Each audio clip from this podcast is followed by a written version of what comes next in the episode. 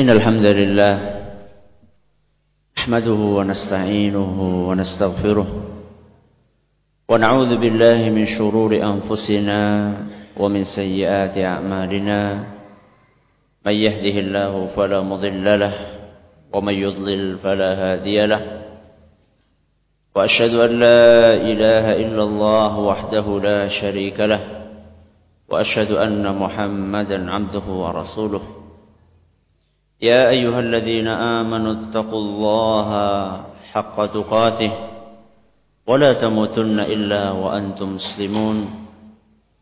يا أيها الناس اتقوا ربكم الذي خلقكم من نفس واحدة وخلق منها زوجها وبث منهما رجالا كثيرا ونساء. واتقوا الله الذي تساءلون به والأرحام إن الله كان عليكم رقيبا. يا أيها الذين آمنوا اتقوا الله وقولوا قولا سديدا. يصلح لكم أعمالكم ويغفر لكم ذنوبكم. ومن يطع الله ورسوله فقد فاز فوزا عظيما. أما بعد فإن أصدق الحديث كتاب الله وخير الهدى هدى محمد صلى الله عليه وسلم وشر الأمور محدثاتها وكل بدعة ضلالة Kita panjatkan puja dan puji syukur kehadirat Allah tabaraka wa taala. Pada kesempatan sore yang berbahagia kali ini kita kembali diberi kekuatan, kesehatan, hidayah serta taufik dari Allah Jalla wa ala sehingga kita bisa menghadiri salah satu kajian di salah satu masjid-masjid Allah tabaraka wa taala kita berharap semoga Allah Jalla wa'ala berkenan untuk melimpahkan pada kita semuanya ilmu yang bermanfaat sehingga bisa kita amalkan sebagai bekal untuk menghadap kepada Allah Jalla wa'ala. Amin. Ya Rabbal Alamin. Salam dan salam semoga senantiasa tercurahkan kepada junjungan kita Nabi besar Muhammad sallallahu alaihi wasallam kepada para sahabatnya, keluarganya, dan umatnya yang setia mengikuti tuntunannya hingga hari akhir nanti. Kaum muslimin dan kaum muslimat yang semoga senantiasa dirahmati oleh Allah. Kita tinggal menunggu hari dengan kedatangan tamu agung dan istimewa yaitu bulan suci Ramadan. Banyak yang menganggap kedatangan bulan suci Ramadan adalah merupakan suatu hal yang biasa. Bukan merupakan sesuatu yang istimewa. Bahkan ada sebagian orang yang merasa susah. Merasa gelisah. Dan tidak enak dengan datangnya bulan Ramadan. Karena apa? Susah kenapa? Dia punya warung nasi, tidak bisa buka dengan bebas. Susahnya karena itu. Ada juga orang yang susah dengan datangnya bulan Ramadan karena di bulan Ramadan dia tidak bisa bebas untuk ngerokok. Waktu ngerokoknya jadi berkurang. Kapan ngerokoknya? Dimulai dari pertama kali dikumandangkan azan maghrib. Sebelum minum, bukanya dengan apa? Rokok. Dan menutup sahurnya pun dengan rokok. Ada sebagian orang yang merasa susah karena dia jago makan. Sehingga ketika bulan Ramadan, nafsu makannya harus ditahan. Dia menumpuk nafsunya ketika buka puasa sehingga kalau mau buka puasa sibuk mengumpulkan makanan-makanan yang dia bayangkan begitu enak ketika dia masih berpuasa. Seperti ketika kita dulu masih kecil ya. Kalau siang-siang itu melihat jambu yang masih hijau saja rasanya enak.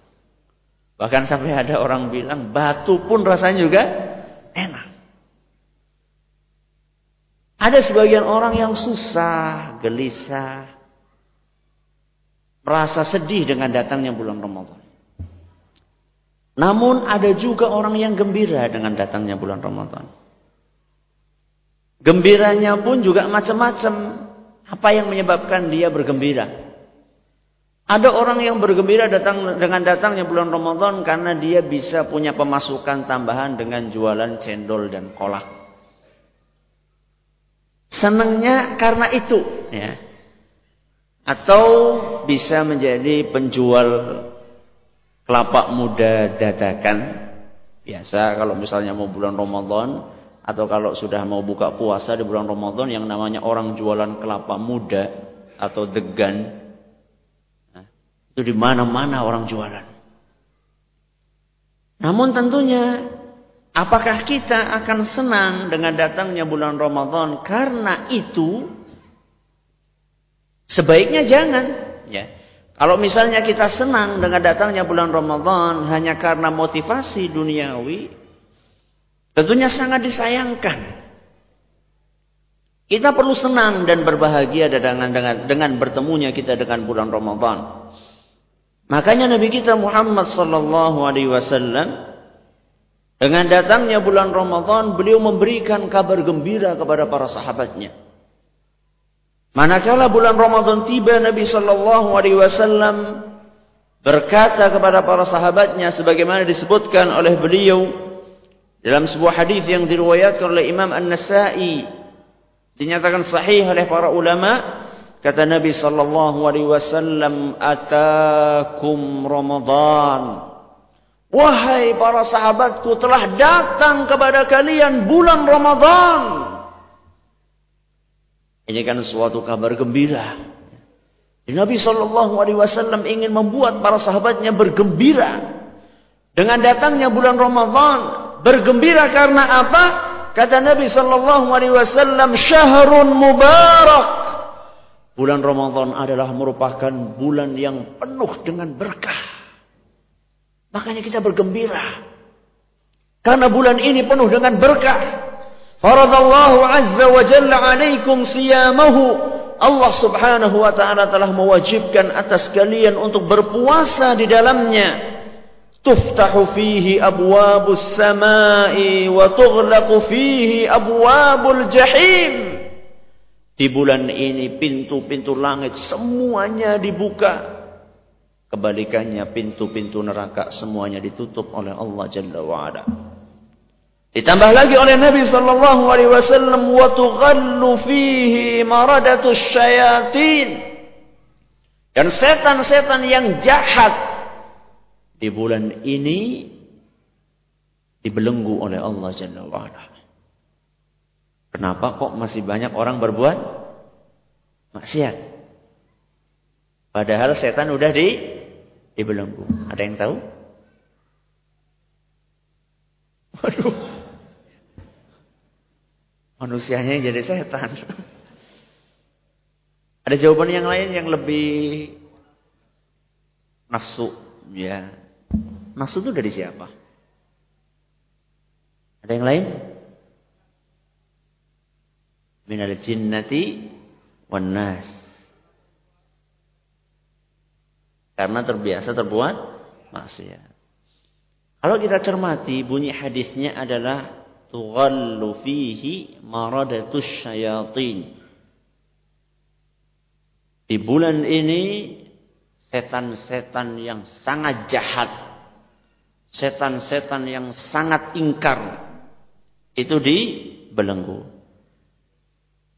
Kalau menilik riwayat ini, yang dibelenggu adalah tidak semua setan.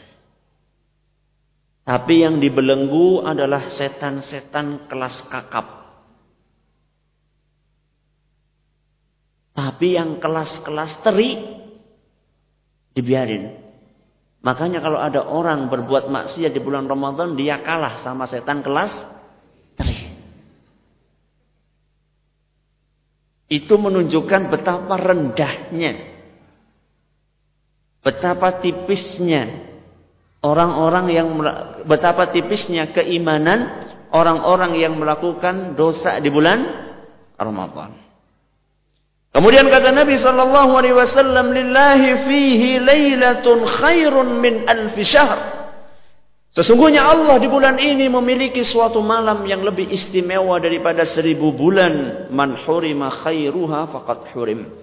Barang siapa yang terhalang untuk mendapatkan kebaikan malam itu berarti dia telah terhalang dari kebaikan.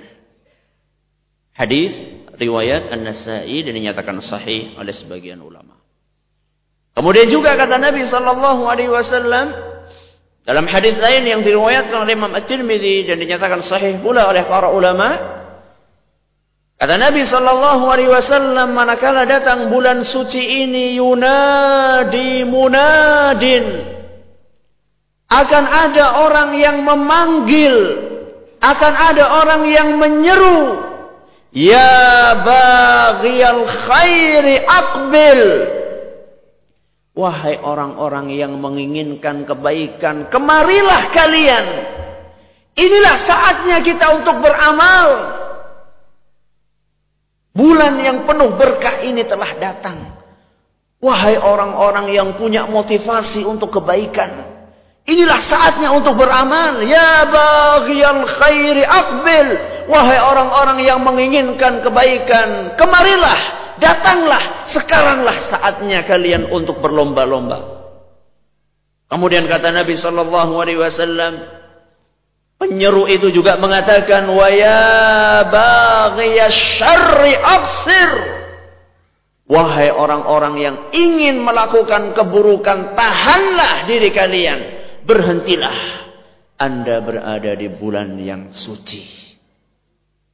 Kemudian kata Nabi sallallahu alaihi wasallam, "Walillahi utaqa'u minan nar wa dzalika kullu yaum." Dan Allah subhanahu wa ta'ala di bulan suci ini akan membebaskan begitu banyak hamba-hambanya dari api neraka. Dan itu Allah lakukan setiap malam di bulan Ramadan. Jadi di bulan suci ini Allah subhanahu wa ta'ala akan membebaskan. Dari sekian hambanya yang beriman dibebaskan satu persatu. Maka semoga kita semua termasuk orang-orang yang dibebaskan oleh Allah Jalla wa'ala dari api neraka di bulan-bulan atau di malam-malam bulan Ramadan.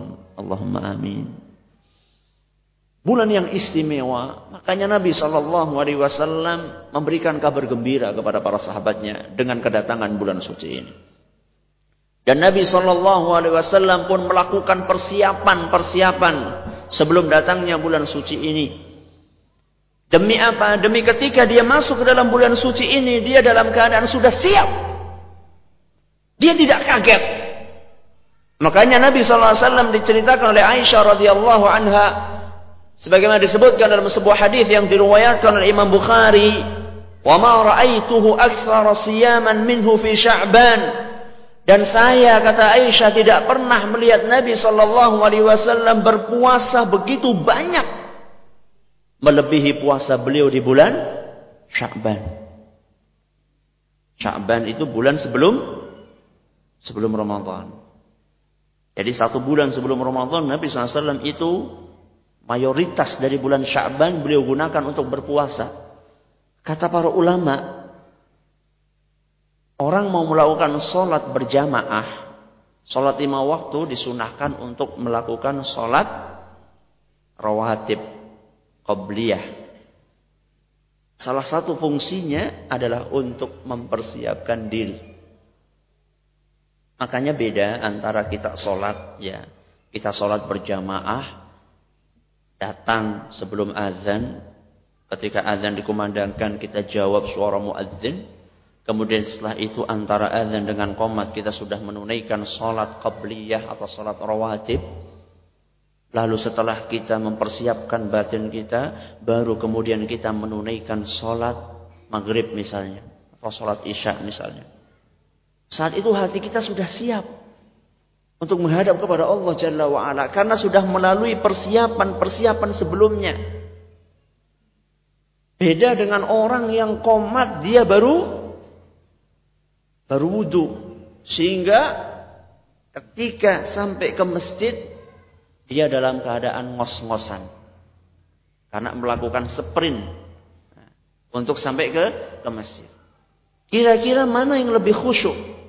Antara orang yang lari-lari dari rumah sampai ke masjid, begitu Allahu Akbar, dia masih ngos-ngosan mengatur nafas terlebih dahulu.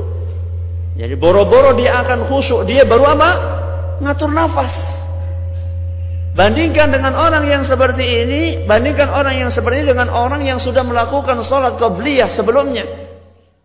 Tentunya peluang untuk khusyuk jauh lebih besar dimiliki oleh orang-orang yang melakukan sholat sunnah sebelumnya. Dari situlah kita mengetahui kenapa para ulama kita mereka sangat menjaga yang namanya berangkat duluan, berangkat gasik menuju ke masjid. Makanya para ulama kita ada di antara mereka yang tidak pernah ketinggalan, tidak pernah kalah oleh muadzin, tidak pernah kalah oleh muadzin. Jadi sebelum muadzinnya datang dia sudah datang. Dan itu beliau lakukan selama 40 tahun. 40 tahun tidak pernah ketinggalan muadzin. Kita berapa tahun tidak ketinggalan muadzin? Berapa tahun? Empat hari. Bukan 40 tahun, empat hari. Karena apa? Karena di situ banyak selain ibadah, ya, selain ibadah sunnah, juga dalam rangka untuk mempersiapkan batin kita sebelum kita menunaikan sholat yang wajib. Begitu pula puasa Ramadan. Kata para ulama, di antara hikmah disunahkannya berpuasa sebelum bulan Ramadan di bulan Sya'ban adalah untuk mempersiapkan batin kita. Sehingga ketika kita masuk ke dalam bulan Ramadan, tidak kaget. Banyak orang kan kalau sudah masuk bulan Ramadan, hari pertama pasti Pasti lemes. Produktivitasnya jadi berkurang. Di malam harinya ngantuk karena kekenyangan. Siang harinya males karena kelaparan. Ya Allah, beginilah kondisi kaum muslimin. Ya. Kalau sudah masuk bulan Ramadan, siangnya males. Ya. Karena kelaparan, malamnya ngantuk karena kekenyangan. Kenapa sampai seperti itu? Karena dia tidak punya persiapan sebelumnya. Dia tidak punya persiapan sebelum datangnya bulan Ramadan. Tapi kalau misalnya orang sudah terbiasa untuk berpuasa di bulan Syaban, manakala dia bertemu dengan bulan Ramadan, dia bertemu dalam keadaan sudah siap. Sudah siap tempur.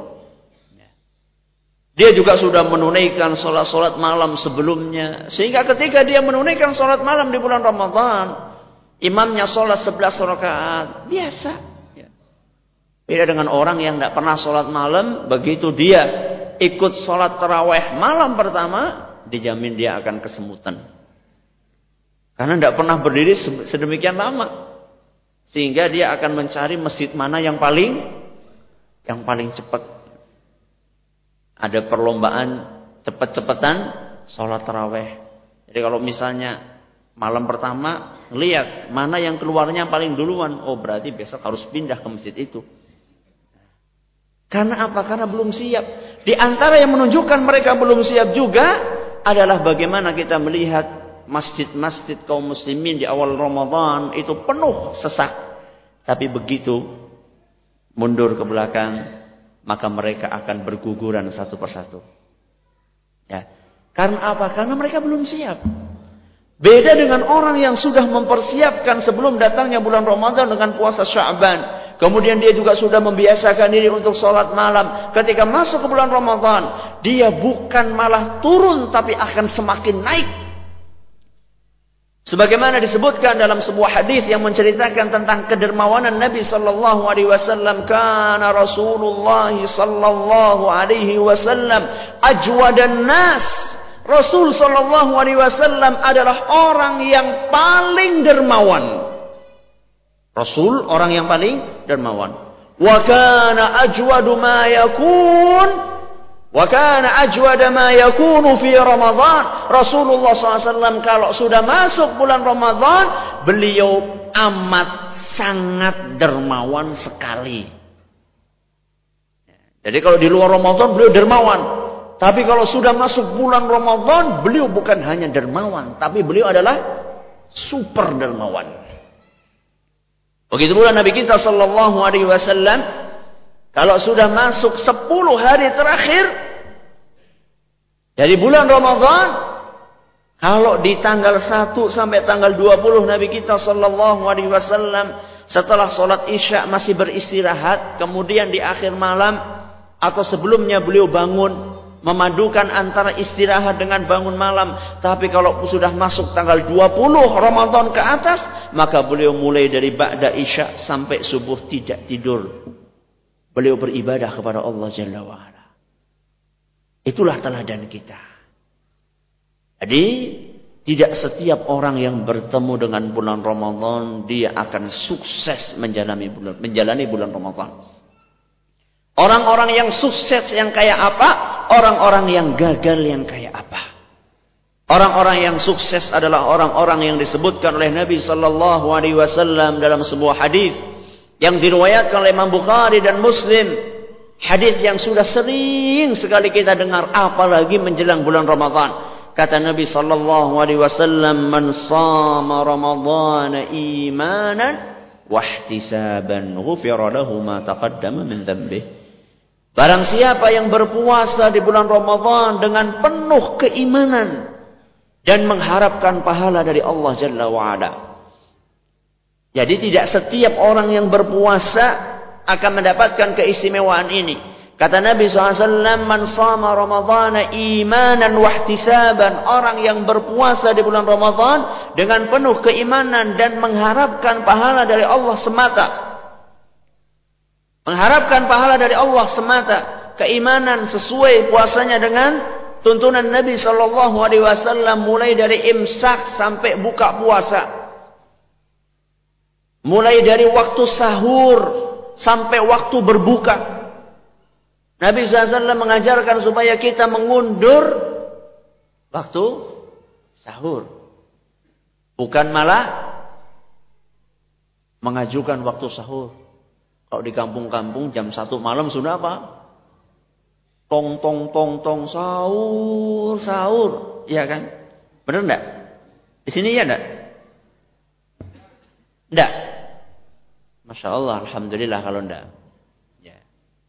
Di sebagian kampung masih mereka jam satu ya. Udah kayak gitu pakai mic lagi, pakai mic di mana? Di masjid, suaranya ke mana-mana. Sahur, sahur yang tidak mau sahur terserah kata dia. Kalau di Purbalingga sahur, sahur, sing ora sahur bodoa. Itu artinya ya tadi, artinya tadi itu. Sahur, sahur yang tidak mau sahur ya terserah. Jam satu malam tidak benar. Nabi SAW itu adalah mengakhirkan waktu sahur. Maksudnya bukan mengakhirkan dipepetkan sama waktu sholat e, subuh bukan. Maksudnya ya ada waktu sedikit sebelum datangnya waktu subuh. Imanan dengan penuh keimanan, mempelajari bagaimana tata cara Nabi SAW berpuasa, Kemudian bagaimana kondisi Nabi panca inderanya ketika berpuasa dan nanti insya Allah akan kita bahas di tengah-tengah insya Allah. Imanan wahtisaban dengan mengharapkan pahala di sini kita diingatkan supaya kita ikhlas di dalam berpuasa. Ikhlas kelihatannya gampang, tapi kenyataannya masih banyak orang yang berpuasa niatnya bukan karena mengharapkan pahala, tapi orang berpuasa karena tidak enak sama tetangganya. Jadi niatnya bukan niat dapat pahala, niat tidak enak sama tetangga. Ada orang yang berpuasa ya demi hanya sekedar mengikuti tradisi yang ada di masyarakatnya. Masa sih orang-orang pada puasa saya tidak puasa? Ini perlu diingatkan. Man sama Ramadhan imanan wa ihtisaban ghufira lahu ma taqaddama min dhanbi. Akan diampuni dosa-dosanya yang telah lampau. Seandainya ada orang yang masuk ke bulan Ramadan dalam keadaan dia bergelimang dengan dosa, hatinya sudah kotor. Mungkin dosanya dua gunung. Gunung apa? Gunung Salak. Pokoknya dosanya banyak banget ya. Kemudian dia berpuasa di bulan Ramadan dengan penuh keikhlasan, mengharapkan pahala dari Allah Jalla wa'ala. Salatnya juga dia jalankan dengan baik, diiringi dengan taubat yang nasuha kepada Allah Jalla wa'ala. Maka saat itu dia meninggalkan bulan Ramadan dalam keadaan tidak tersisa dosa di pundaknya, walaupun hanya secuil atau sepotong kuku pun. Ini orang-orang yang sukses. Inilah kesempatan kita. Kita yang merasa dosanya begitu banyak, inilah kesempatannya untuk membersihkan dosa-dosa kita. Ini kalau kita sukses. Kalau kita gagal, kita akan termasuk orang yang disebutkan oleh Nabi sallallahu alaihi wasallam, "Rubba sa'imin hadduhu min siyamihil ju'u wal 'atash." Betapa banyak orang yang berpuasa, dia tidak mendapatkan dari puasanya kecuali hanya rasa lapar dan rasa dia cuma lapar dan haus. Artinya apa? Artinya dia tidak memetik manfaat dari puasanya. Dia tidak mendapatkan apa yang dijanjikan oleh Nabi SAW di dalam sabdanya tadi. Alias seandainya dia masuk ke bulan Ramadan dalam keadaan membawa dosa tiga gunung. Maka dia akan tinggalkan bulan Ramadan dalam keadaan dosanya masih tiga gunung. Atau bahkan bertambah menjadi empat gunung. Itulah orang-orang yang gagal. Tentunya tidak ada di antara kita yang pengen yang pengen gagal. Semua dari kita pengen sukses.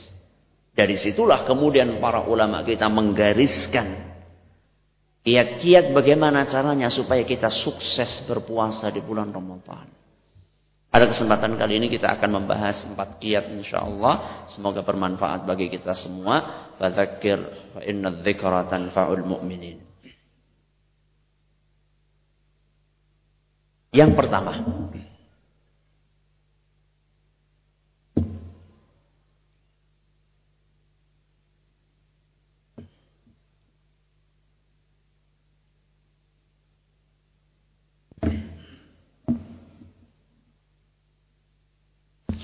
Kiat yang pertama, sebagaimana disebutkan oleh para ulama adalah mempertebal rasa tawakal kepada Allah Jalla wa'ala.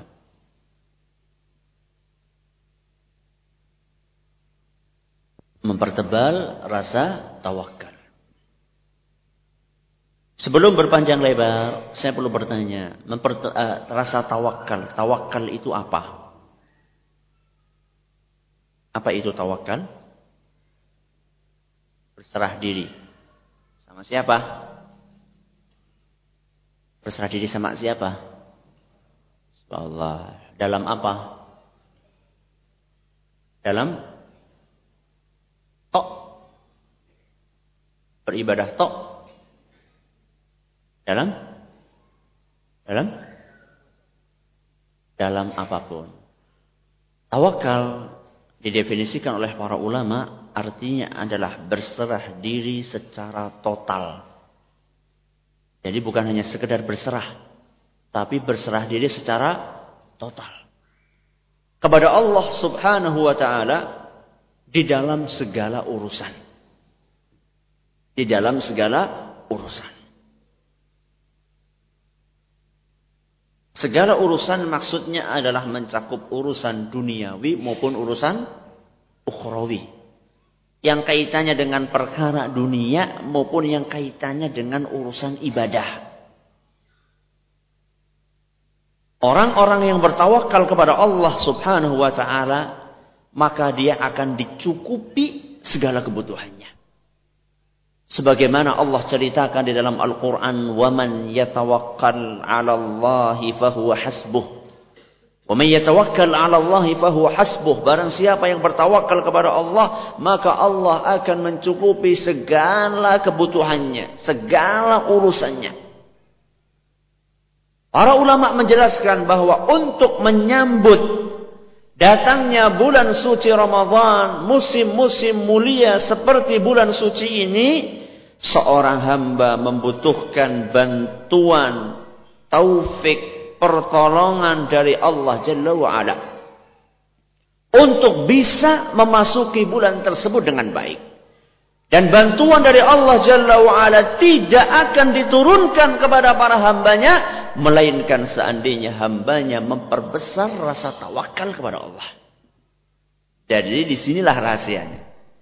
Kenapa kita mempertebal rasa tawakal terutama sebelum datangnya musim-musim mulia adalah supaya Allah Subhanahu wa taala berkenan untuk mencurahkan bantuan dan taufiknya kepada hamba. Karena tanpa adanya bantuan dan pertolongan dari Allah Subhanahu wa taala mustahil kita akan bisa bertemu dengan bulan Ramadan apalagi berpuasa dengan baik di dalamnya. Makanya para ulama salaf terdahulu sebagaimana diceritakan oleh Mu'alla bin Al-Fadl kanu yad'un Allah Azza wa Jal.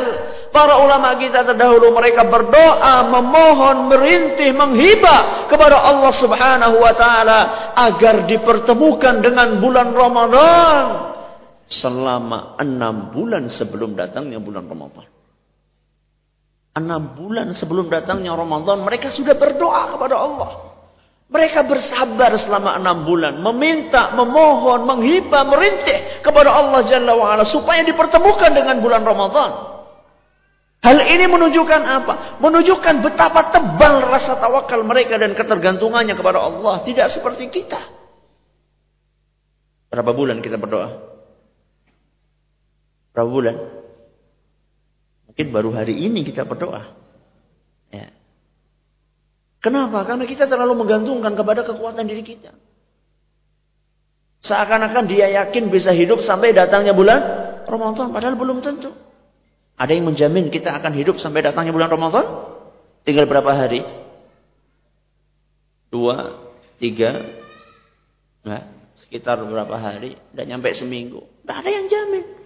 Kita akan ketemu dengan bulan Ramadan. Bisa jadi setelah setelah ini ada orang yang Dicabut nyawanya oleh Allah subhanahu wa ta'ala. Ah kalau anak sih masih muda, itu yang tua-tua itu siap-siap. Siapa bilang mati itu mengenal umur? Betapa banyak orang yang masih bayi-bayi sudah mati, yang mas yang sudah kakek-kakek tidak mati-mati. Banyak kan? Banyak. Jadi masalah umur itu jangan bicara, masalah kematian jangan bicara masalah umur. Berbicara tentang kematian tidak ada kaitannya dengan umur. Makanya para ulama kita mereka memohon kepada Allah supaya dipertemukan dengan bulan Ramadan. Karena betapa banyak orang-orang yang tahun kemarin masih berbuka puasa dengan kita. Masih bersahur satu meja dengan kita. Masih sholat taraweh di samping kita. Masih sholat idul fitri dengan kita. Masih makan opor bareng sama kita. Ternyata mereka detik ini sudah berpindah rumah menuju ke rumah masa depan. Rumah ukuran satu kali dua meter. R, S, S, S, S, entah berapa S. Sempit, temennya cacing, belatung, rayap, itulah temannya. Mereka belum diberi kesempatan oleh Allah Subhanahu wa taala untuk bertemu dengan bulan suci Ramadan. Sedangkan kita was-was antara harap dan cemas. Apakah Allah berkenan untuk memberikan keistimewaan kepada kita? Memberikan kesempatan yang berharga untuk ketemu dengan bulan Ramadan? Tidak tahu kita. Kita hanya bisa meminta. Kita hanya bisa menghibah. Kita hanya bisa memohon kepada Allah subhanahu wa ta'ala. Wahai Rabbi, berilah saya kesempatan supaya bisa ketemu dengan bulan Ramadan. Di situlah para ulama kita mereka tidak pernah bosan untuk berdoa kepada Allah. Setelah kita diberi kesempatan untuk bertemu dengan bulan Ramadan, kita masih perlu bantuan dari Allah subhanahu wa ta'ala supaya diberi kesempatan untuk bisa berpuasa di bulan Ramadan. Karena belum tentu orang ketemu dengan bulan Ramadan, dia bisa berpuasa. Karena apa? Sakit. Terus? Safar. Terus? Uzur tua. Yang lain? Hah? Males, bener. Ini penyakit yang paling akut ini. Dan paling banyak orang tidak puasa karena malas. Terus haid, betul. Terus sebelum nifas apa dulu? Hamil. Setelah hamil bersalin, melahirkan, setelah melahirkan menyusui, setelah menyusui hamil lagi. Kasih kesempatan dong. Ibu-ibu juga pengen puasa.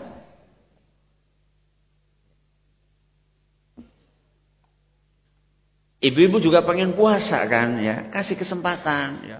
Masa hamil melahirkan nifas menyusui hamil lagi setelah hamil menyusui lagi kapan dia mau puasa kasihan dong mereka juga pengen merasakan nikmatnya berpuasa ya jadi tidak setiap orang mendapatkan hidayah dan pertolongan dari Allah Subhanahu wa taala manakala mereka bertemu dengan bulan Ramadan, tidak setiap dari mereka diberi kesempatan oleh Allah Jalla wa untuk bisa berpuasa di bulan Ramadan. Makanya para ulama kita setelah mereka berdoa kepada Allah wahai Rabbi pertemukanlah kami dengan bulan Ramadan mereka berdoa lagi wahai Rabbi kalau memang engkau berkenan untuk mempertemukan kami dengan bulan Ramadan maka berilah kami kekuatan dan hidayah supaya bisa berpuasa di bulan Ramadan. Cukup sampai di situ? Tidak. Mereka masih meminta kepada Allah, wahai Rabbi, seandainya engkau perkenankan aku untuk bisa berpuasa di bulan Ramadan, maka tolong wahai Rabbi, jadikanlah puasa saya di bulan Ramadan ini puasa yang berkualitas. Ini nanti kita akan bahas. Nanti kita akan bahas puasa yang berkualitas. Jadi kiat yang pertama adalah mempertebal rasa tawakal. Apa tadi tawakal?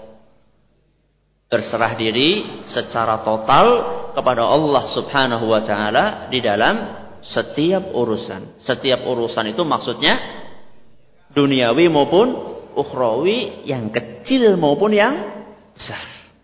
Dah, ini yang pertama. Yang kedua, di antara hal yang dinasihatkan oleh para ulama kita adalah berusaha untuk bertaubat sebelum datangnya bulan Ramadan. Berusaha untuk bertaubat sebelum datangnya bulan Ramadan.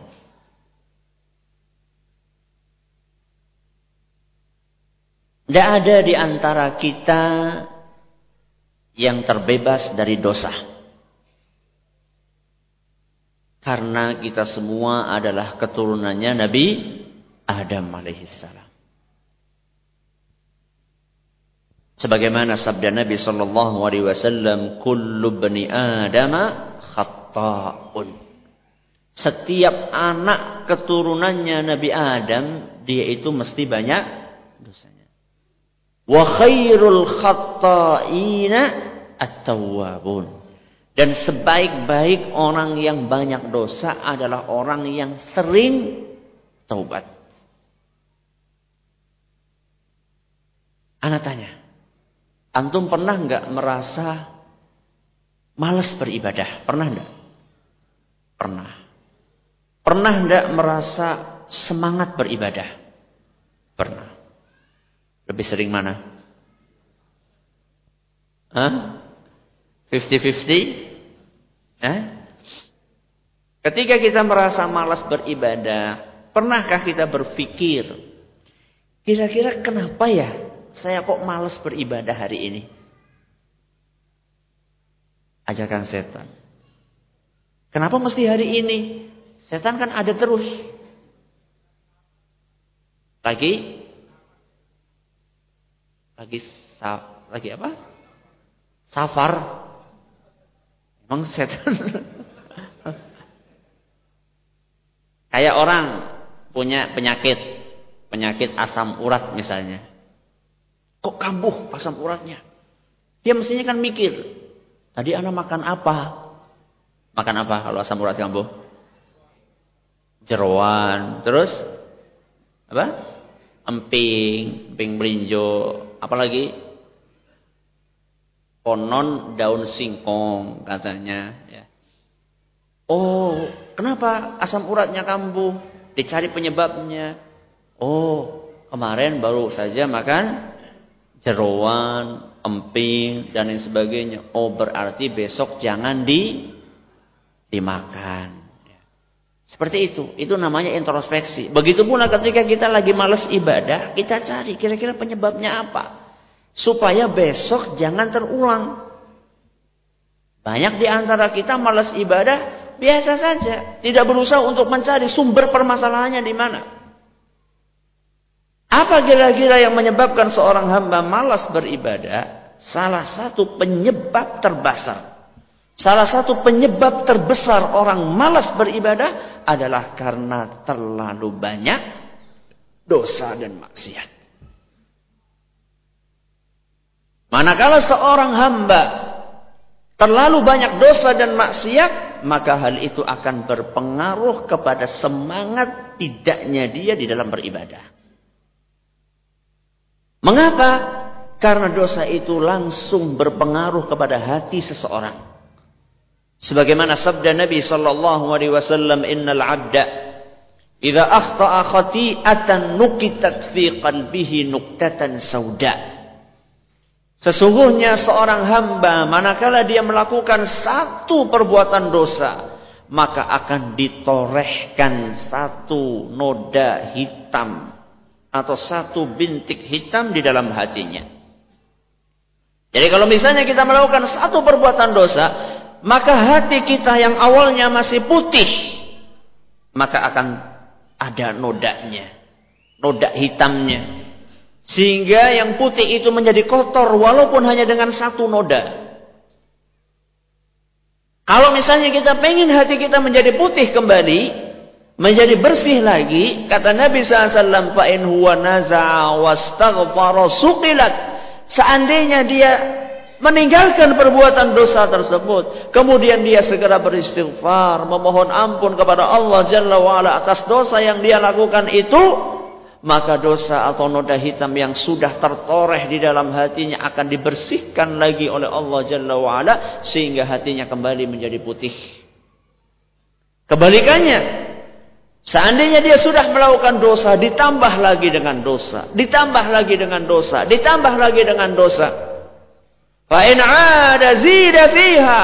Seandainya dia melakukan satu dosa, diiringi dengan dosa yang lainnya, dosa yang lainnya, dosa yang lainnya. Dia akan bertobat selalu mengundur-ngundur tobat. Masih muda. Waktu muda kan masanya untuk happy-happy. Nantilah kalau sudah tua baru tobat. Judi, nantilah tobatnya kalau duitnya udah habis. Ternyata belum habis sudah mati. Nah, Mengundur-mundur taubat, mengundur-mundur istighfar, dosanya tambah lagi, tambah lagi, tambah lagi, bintik-bintik hitam itu semakin banyak, hatta ta'lu qalbah kata Nabi SAW sampai mengakibatkan hatinya itu semuanya terkuasai atau didominasi dengan bintik-bintik hitam itu sehingga hatinya hitam kelam. Dan itulah penutup Fadzalika ran itulah penutup yang disebutkan oleh Allah Subhanahu wa taala dalam Al-Qur'an, kalla ala qulubihim ma kanu yaksibun. Sesungguhnya penutup yang menutupi hati seorang hamba tidak lain adalah karena akibat dari perbuatan yang mereka lakukan sendiri. Kalau sudah kayak gitu subhanallah, hati sudah hitam dibawa melakukan ibadah apa pun juga pasti terasa berat Pasti. Sholat males, puasa, tidak enak, sodakoh, sayang. Kalau kita sudah terjangkiti penyakit akut, malas beribadah, cepet-cepetlah kita koreksi diri. Oh mungkin saya ini sudah kebanyakan dosa. Pernah kesiangan subuh? Pernah. Ketika kita kesiangan itu, kita apa tidak mikir, ngapain ya saya semalam? Kok bisa kesiangan. Ngapain?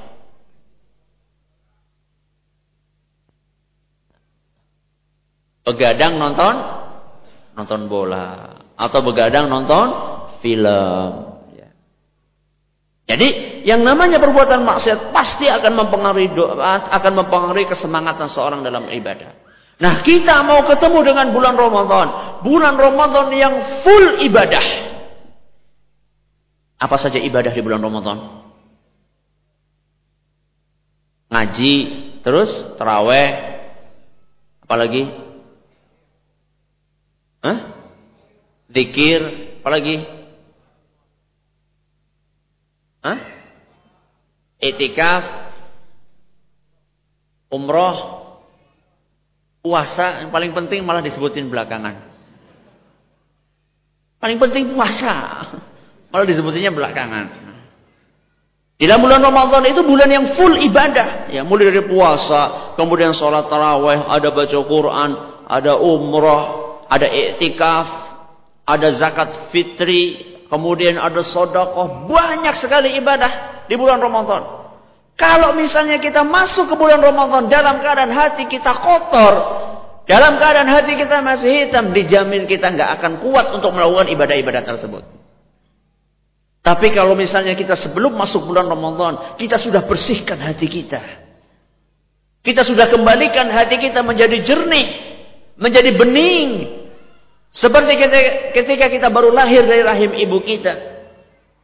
Kullu mauludin yuladu 'alal fitrah. Setiap bayi lahir dalam keadaan fitrah, dalam keadaan suci. Maka saat itu dijamin dia akan menghadapi bulan Ramadan dengan masa depan yang sangat cerah. Dia bawa puasa ringan, dia bawa sholat, masya Allah rasanya nikmat. Dia bawa bersodakoh, rasanya ingin terus bersodakoh, baca Quran, satu Al-Quran khatam dalam satu bulan Ramadan terasa ringan.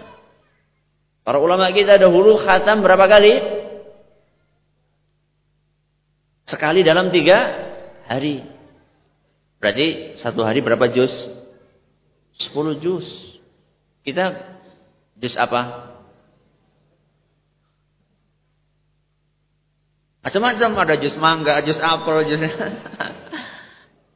Bukan itu yang kita inginkan. Ya, berapa jus ya. Berusaha punya target. Ya.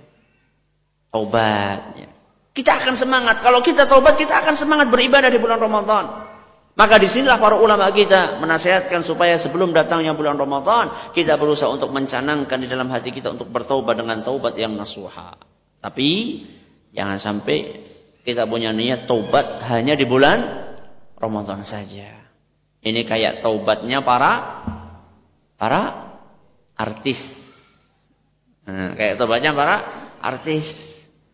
Mereka kalau sudah masuk bulan Ramadan, masya Allah semuanya pakai kerudung, kecuali yang laki-laki.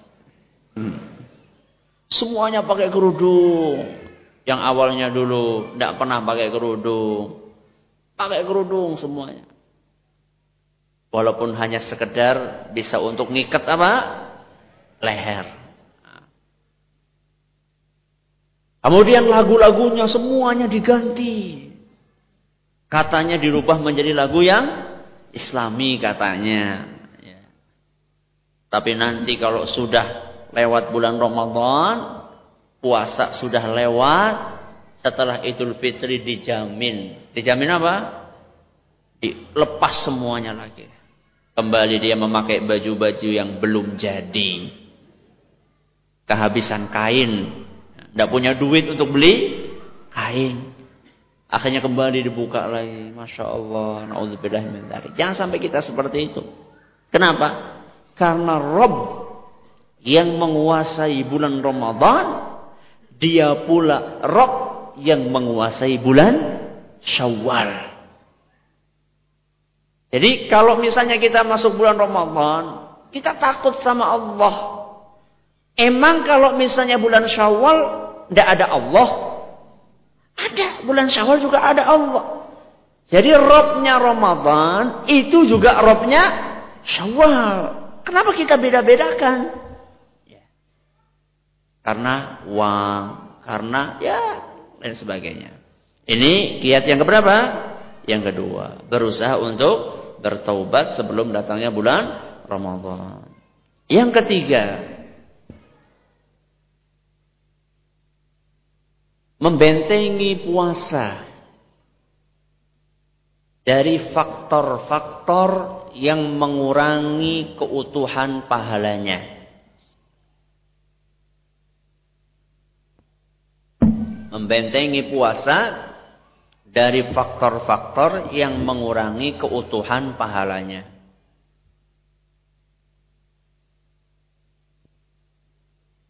Di masjid ini berapa orang? Kira-kira 300. 300 orang. Insya Allah semuanya puasa kan? Insya Allah. Dari 300 orang ini. Orang semuanya berpuasa. Apakah antara satu sama lainnya pahalanya sama? Tidak.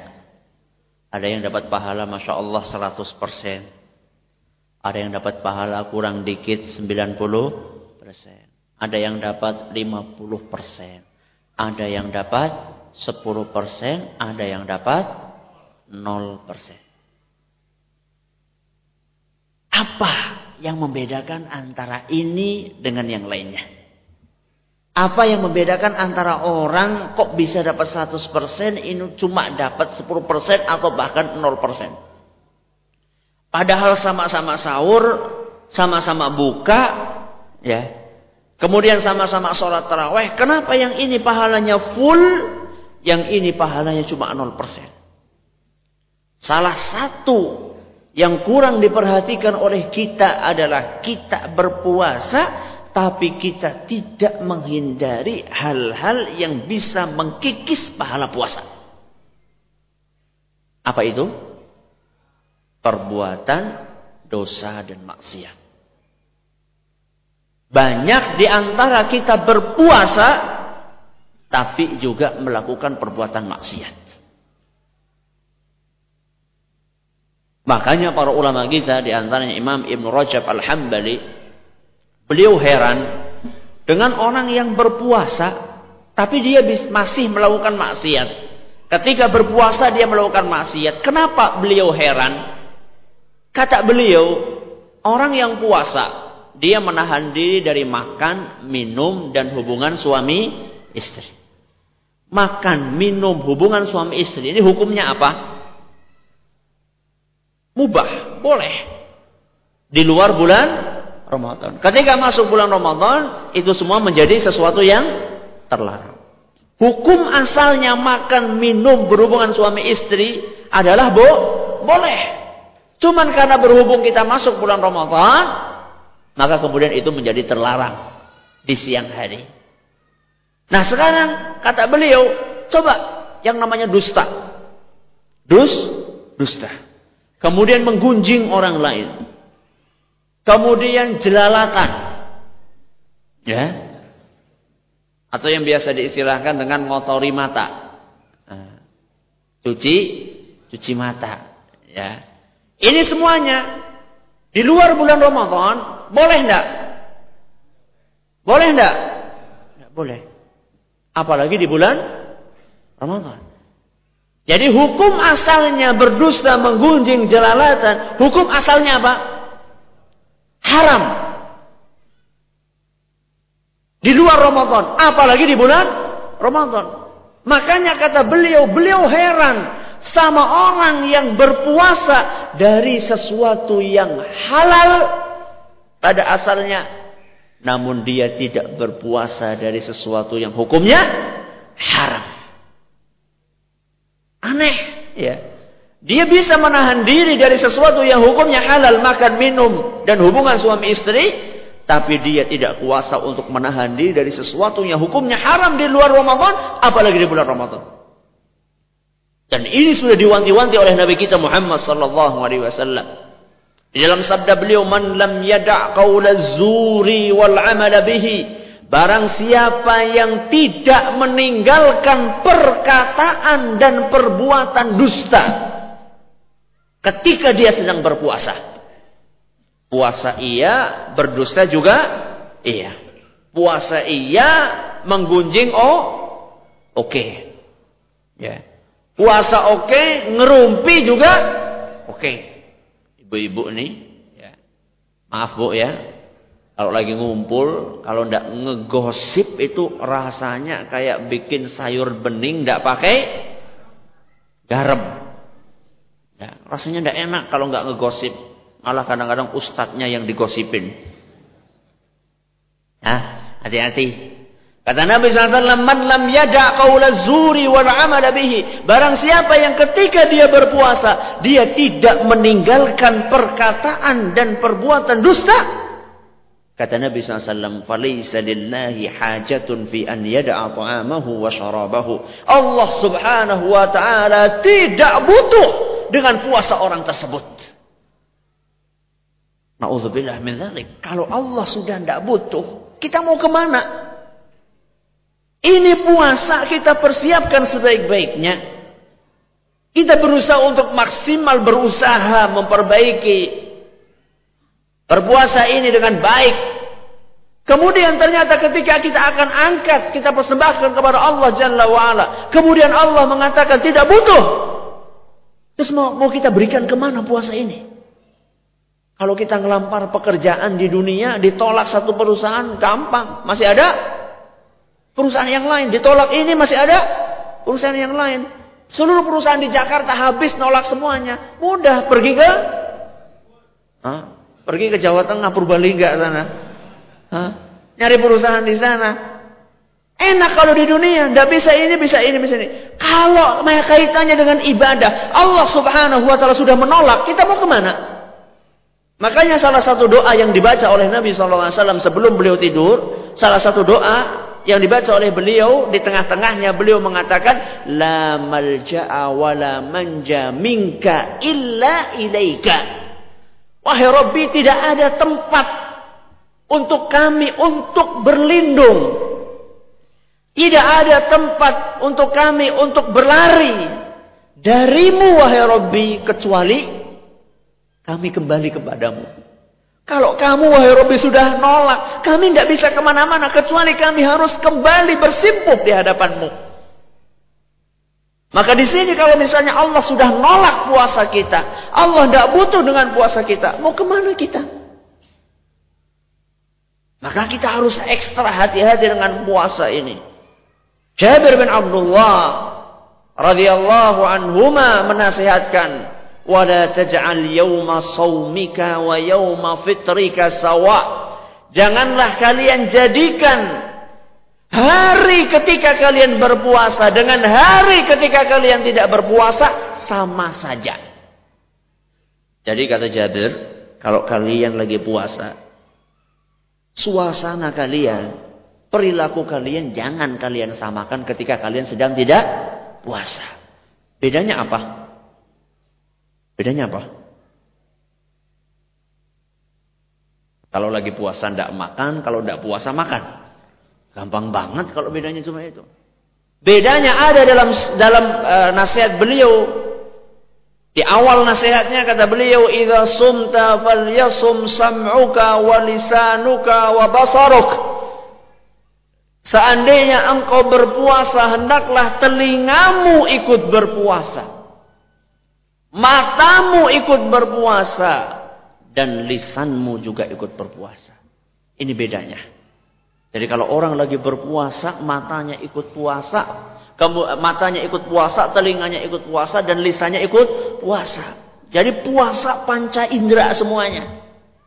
Itulah puasa yang sejati dan inilah puasa yang berkualitas. Jadi bukan hanya sekedar puasa perut saja. Puasa yang berkualitas adalah puasa yang total. Telinganya ikut puasa, semua anggota tubuhnya ikut berpuasa, tangannya ikut puasa. Puasanya tangan apa? Apa puasanya tangan?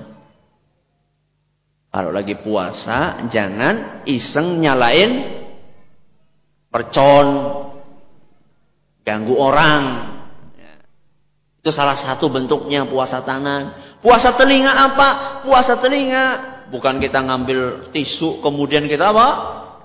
Kita sumpel di telinga bukan. Puasa telinga itu maksudnya adalah jangan sampai yang masuk ke telinga kita adalah hal-hal yang dilarang oleh Allah Subhanahu wa taala. Maka kaum muslimin yang di rumahnya masih banyak CD, kaset, VCD, lagu-lagu mulai dari rock sampai ham. yang dangdut, yang seriosa, yang apa lagi? Hah? Apa? Wayang. Ada gending, ada ebek. Orang Banyumas ada ebek. Ya, ini yang kayak gini-gini coba disentikan ya. Coba diganti dengan apa? Al-Qur'an, pengajian. Pasti suasana rumah akan berbeda, pasti. Ya, suasana rumah akan lebih tenang, akan lebih damai, akan lebih nyaman. Coba antum bedakan. Antum bedakan kalau antum lagi ngaji di masjid ya, lagi ngaji di masjid. Kemudian ngantuk. Lalu teman di samping nyenggol, nyikut ya, nyenggol supaya bangun, bangun. Marah enggak? Marah enggak? Oh iya iya, makasih. Iya iya iya. Ngantuk lagi. Tapi coba perhatikan, bandingkan dan bedakan. Kalau orang lagi joget, ngelihat konser dangdut di lapangan. Kemudian kesenggol, ndak sengaja. Gimana? Wah, berani apa? Di mana? Di sini apa? Sekarang? Kenapa marah? Padahal sama-sama di disenggol. Bahkan di masjid nyenggolnya sengaja. Di sana nyenggolnya tidak sengaja. Kenapa? Banyak setan. Di sono banyak setan. Di masjid banyak malaikat. Apalagi majlis taklim kayak gini banyak malaikatnya. Ya. Makanya akan berpengaruh kepada hawa yang ada di dalam tempat tersebut. Makanya rumah yang kesehariannya full musik pasti rumahnya tidak betah, panas. Ya. Beda sama orang yang Masya Allah ya rumahnya walaupun sederhana tapi selalu yang didengarkan di dalamnya adalah lantunan ayat suci Al-Quran. Pengajian, tausiah. Rasanya nyaman tinggal di rumah tersebut. Ya. Ini puasanya te telinga. Puasanya mata. Apa puasanya mata? Pernah saya nanya kayak gini. Puasanya mata apa? Ada salah satu jamaah pengajian mengatakan tidur. Hmm. Puasanya mata adalah tidur.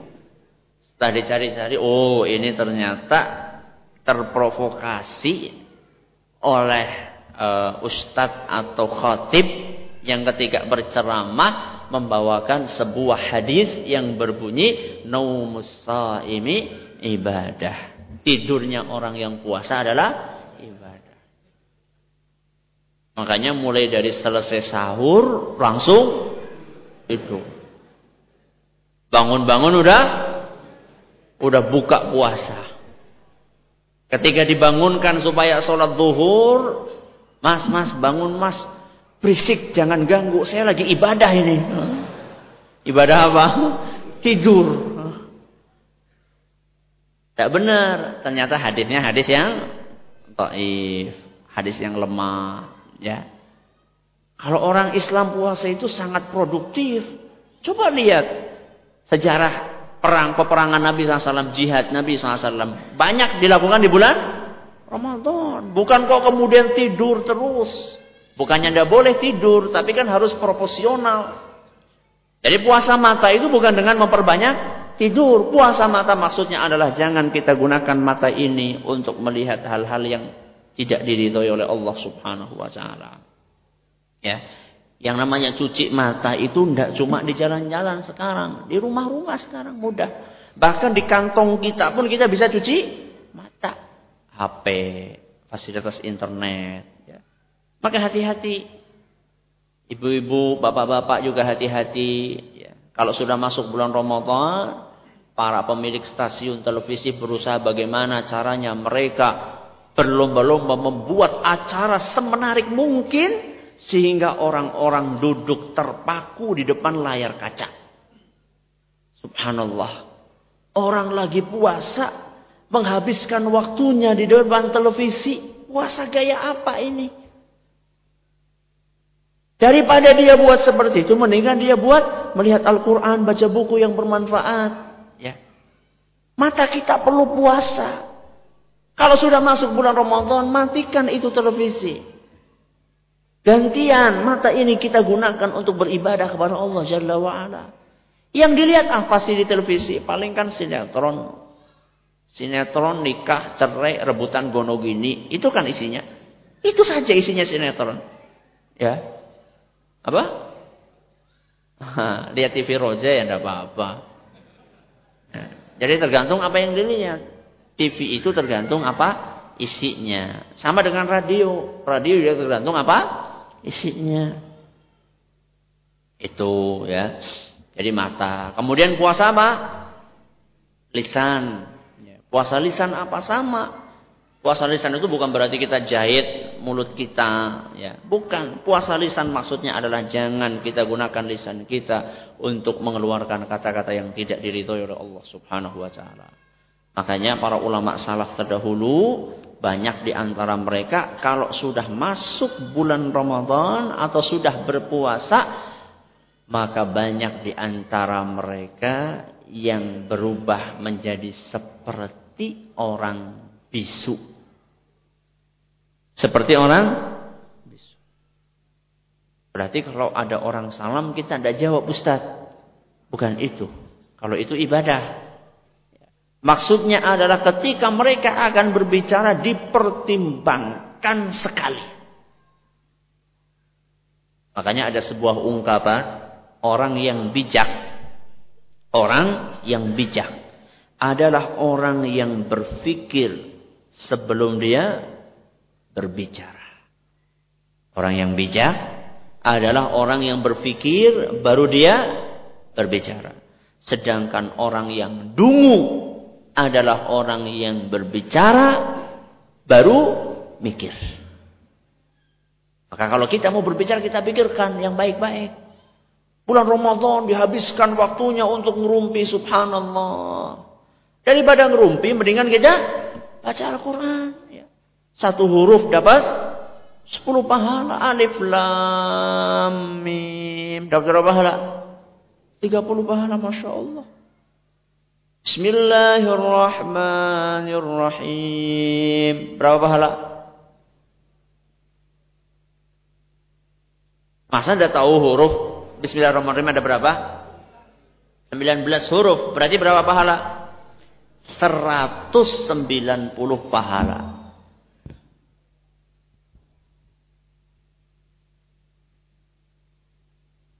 Maghribnya jam berapa? Jam? 6 kurang. 6 kurang 8. Ya, kembali kepada puasa e, lisan ya, kepada puasa lisan. Jadi gunakan waktu kita untuk lisan kita untuk membaca Al-Qur'an. Kemudian kiat yang keempat. Itu udah empat belum? Belum. Yang keempat adalah memprioritaskan amalan-amalan yang hukumnya wajib. Memprioritaskan amalan-amalan yang hukumnya wajib. Dalam agama kita, ibadah itu ada yang hukumnya wajib, ada yang hukumnya sunnah. Di antara yang wajib sama yang sunnah ini lebih penting yang mana? Yang wajib. Makanya Allah Subhanahu wa taala berfirman dalam sebuah hadis qudsi, "Wa ma taqarraba ilayya 'abdi bi syai'in ahabba ilayya mimma aftaradtu 'alaihi."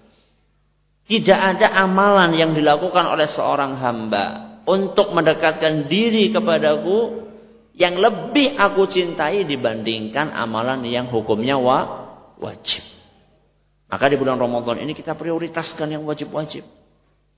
Tapi kenyataannya di masyarakat kita lebih banyak yang mentingkan sunnah dibandingkan yang wajib. Contohnya sholat taraweh. Masya Allah kalau sudah sholat taraweh malam satu Ramadan di mana-mana itu masjid itu penuh Sampai kadang-kadang masang masang apa? Nah, masang seng di depannya, ya, masang tenda di depannya. Saking penuhnya, tidak muat masjidnya. Tapi coba dilihat besoknya, nggak usah tanggal 15, tanggal 1 Ramadan saja, siang-siang, ketika waktu tuhur sama asar, gimana masjidnya? 11 yang sholat. Nih 11 nih. Nah, cuma imam sama imam sama muadzin saja. Subhanallah. Coba kita tanya, ya. Kita tanya sama orang-orang tersebut, salat tarawih hukumnya apa? Apa hukumnya? Sunnah. Salat zuhur asar hukumnya apa? Wajib. Tahu, ya. Kenapa kok yang sunnah-sunnah diperhatikan, yang wajib-wajib dilalaikan? Wah ustadznya ini ngajarin supaya nggak pada teraweh ini. Tidak kayak gitu. Tapi yang kita inginkan adalah bagaimana kita membuat sholat duhur dan asar ramenya kayak sholat terawih. Bisa ndak? Bisa ndak? Insya Allah. Insya Allah. Siapa pelopornya? Ya kita. Yang udah ngaji, pelopornya kita. Kita hidupkan masjid-masjid kaum muslimin di waktu bulan Ramadan kita prioritaskan yang wajib-wajib. Puasa kita berusaha dimaksimalkan kualitasnya. Sholat lima waktu kita berusaha untuk tepat waktu semaksimal mungkin. Baru kemudian kita mengiringi dengan amalan-amalan yang hukumnya sun, sunnah. Dengan seperti itu insya Allah kita dengan taufik dari Allah Jalla wa'ala akan bisa sukses di bulan Ramadan. Ada berapa kiat tadi kita sebutkan? Yang pertama apa? Mempertebal rasa tawakal. Yang kedua, bertaubat sebelum datangnya Ramadan. Lalu membentengi puasa dari hal-hal yang bisa mengurangi pahalanya. Terus memprioritaskan amalan yang hukumnya Berikutnya ada beberapa pertanyaan. Kita pada dasarnya menginginkan puasa yang berkualitas. Tapi terkadang keadaan yang tidak memungkinkan. Ketika kita dihadapkan dengan wanita-wanita zaman sekarang, apalagi wanita-wanita kondisi seperti Jakarta, Bagaimana kita menyikapinya? Apa kita harus pakai kacamata kuda? Karena lebih banyak terlihat daripada melihat syukron. Sulit bukan berarti tidak bisa. Beda antara sesuatu yang sulit dengan sesuatu yang mus mustahil. Anak tanya, apakah Anda sudah berusaha maksimal untuk menundukkan pandangan mata? Ketika Anda sedang macet di lampu merah, apa yang Anda lakukan? Tikir, Alhamdulillah. Tikir tapi matanya ke mana? Ah, ini dia. Banyak di antara kita alasannya terlihat Ustaz. Itu bukan terlihat, ente yang lihat. Buktinya ketika lagi macet lampu merah, matanya ke mana-mana. Tidak menundukkan pandangan mata. Oh, nanti nabrak Ustadz kalau nggak lihat ke mana-mana. Ente lagi berdiri, lagi berhenti, apalagi jalan. Kalau lagi berjalan mungkin kita katakan harus melihat ke depan. Buang lihat ke samping.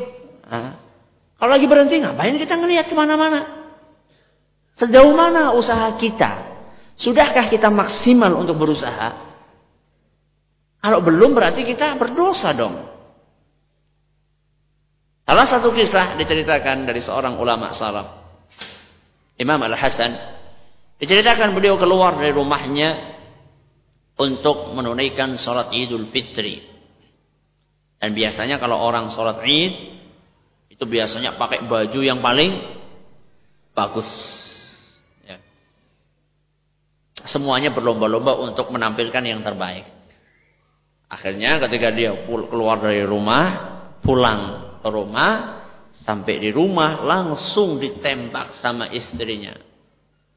Mas, atau suamiku, atau pak, atau bi. Kam min imra'atin hasna'a ra'aitaha. Sudah berapa cewek cakep yang kamu lihat tadi? Pernah nggak ditanya sama istri kayak gitu? Nggak berani. Besok tanya bu ya.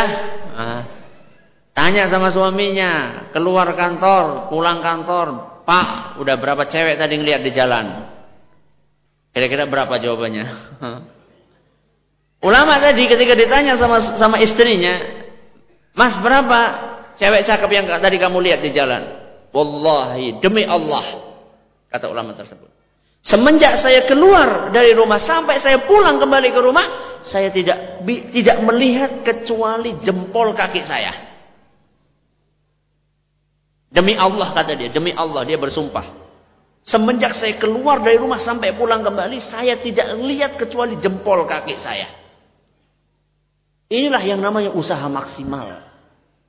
Apakah kita sudah seperti itu? Hah? Maka jangan selalu menyalahkan kondisi. Jangan selalu menyalahkan kondisi. Kita sudah berusaha maksimal atau belum? Itu.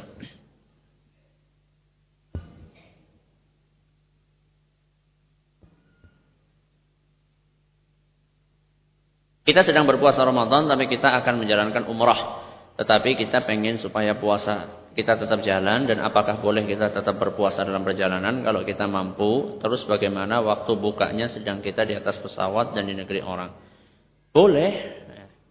Boleh berpuasa ketika bepergian. Para ulama itu mereka berbeda pendapat mana yang lebih afdol antara orang yang bepergian dan berpuasa ataukah orang yang bepergian membatalkan puasanya di antara sekian pendapat yang dinilai kuat oleh para ulama di antaranya Syekh Abdul Muhsin Al-Abbad hafizahullah taala wa ra'ahu adalah tergantung kepada kondisi masing-masing orang. Tergantung kepada kondisi masing-masing orang. Ada sebagian orang kalau dia bepergian, dia lebih enak untuk puasa kalau bepergian. Dan dia merasa berat untuk mengkodok. Karena tidak ada teman kan kalau mengkodok kan. Tapi kalau lagi puasa kan apa? Banyak teman, semangat. Ya. Kalau seperti ini ya sebaiknya dia berpuasa. Mana yang lebih maslahat buat dirinya. Ada sebagian orang yang beda. Kalau lagi bepergian puasa dia lemes banget. Sehingga dia tidak kuasa untuk menjalankan ibadah-ibadah yang lainnya. Maka saat itu dia lebih afdol untuk tidak berpuasa dan di dalam dan untuk dirinya lah diterapkan sabda Nabi SAW laisa minal birri as-saumu fis safar bukan termasuk kebaikan berpuasa ketika orang bepergian Ustadz Ana pengen memprioritaskan sholat wajib tapi di masjid tempat Ana tidak ada yang sholat mohon nasihatnya apalagi kalau waktu zuhur dan asar jadilah Anda sebagai pionir jadilah Anda sebagai pionir azan. Ya. Tidak apa-apa.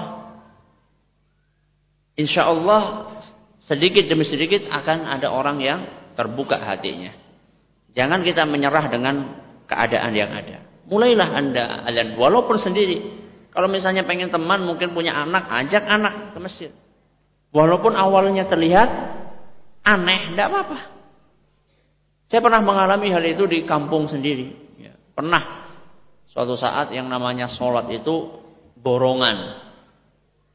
Sholat borongan. Azan sendiri, komat sendiri, imam sendiri, makmum sendiri. Borongan. Ya. Borongan. Tidak apa-apa. Tapi Alhamdulillah tahun berikutnya Alhamdulillah ada makmumnya satu. Mayan ada makmumnya. Tahun berikutnya Alhamdulillah tambah lagi, tambah lagi. Sekarang Alhamdulillah ada 20 orang.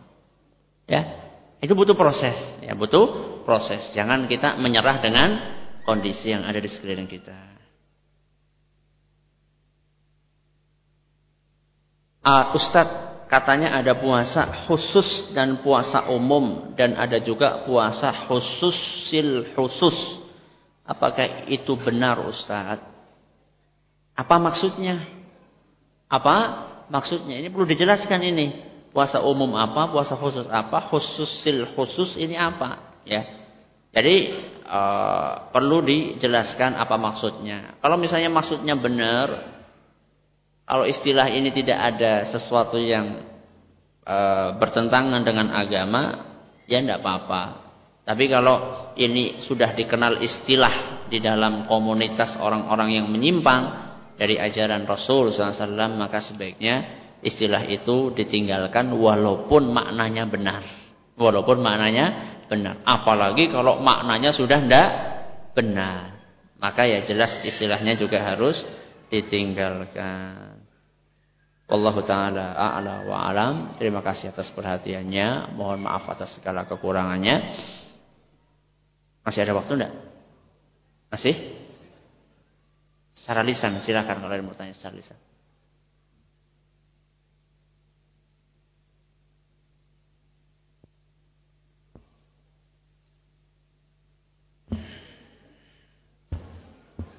Kita cukupkan sampai di sini persiapan untuk salat maghrib.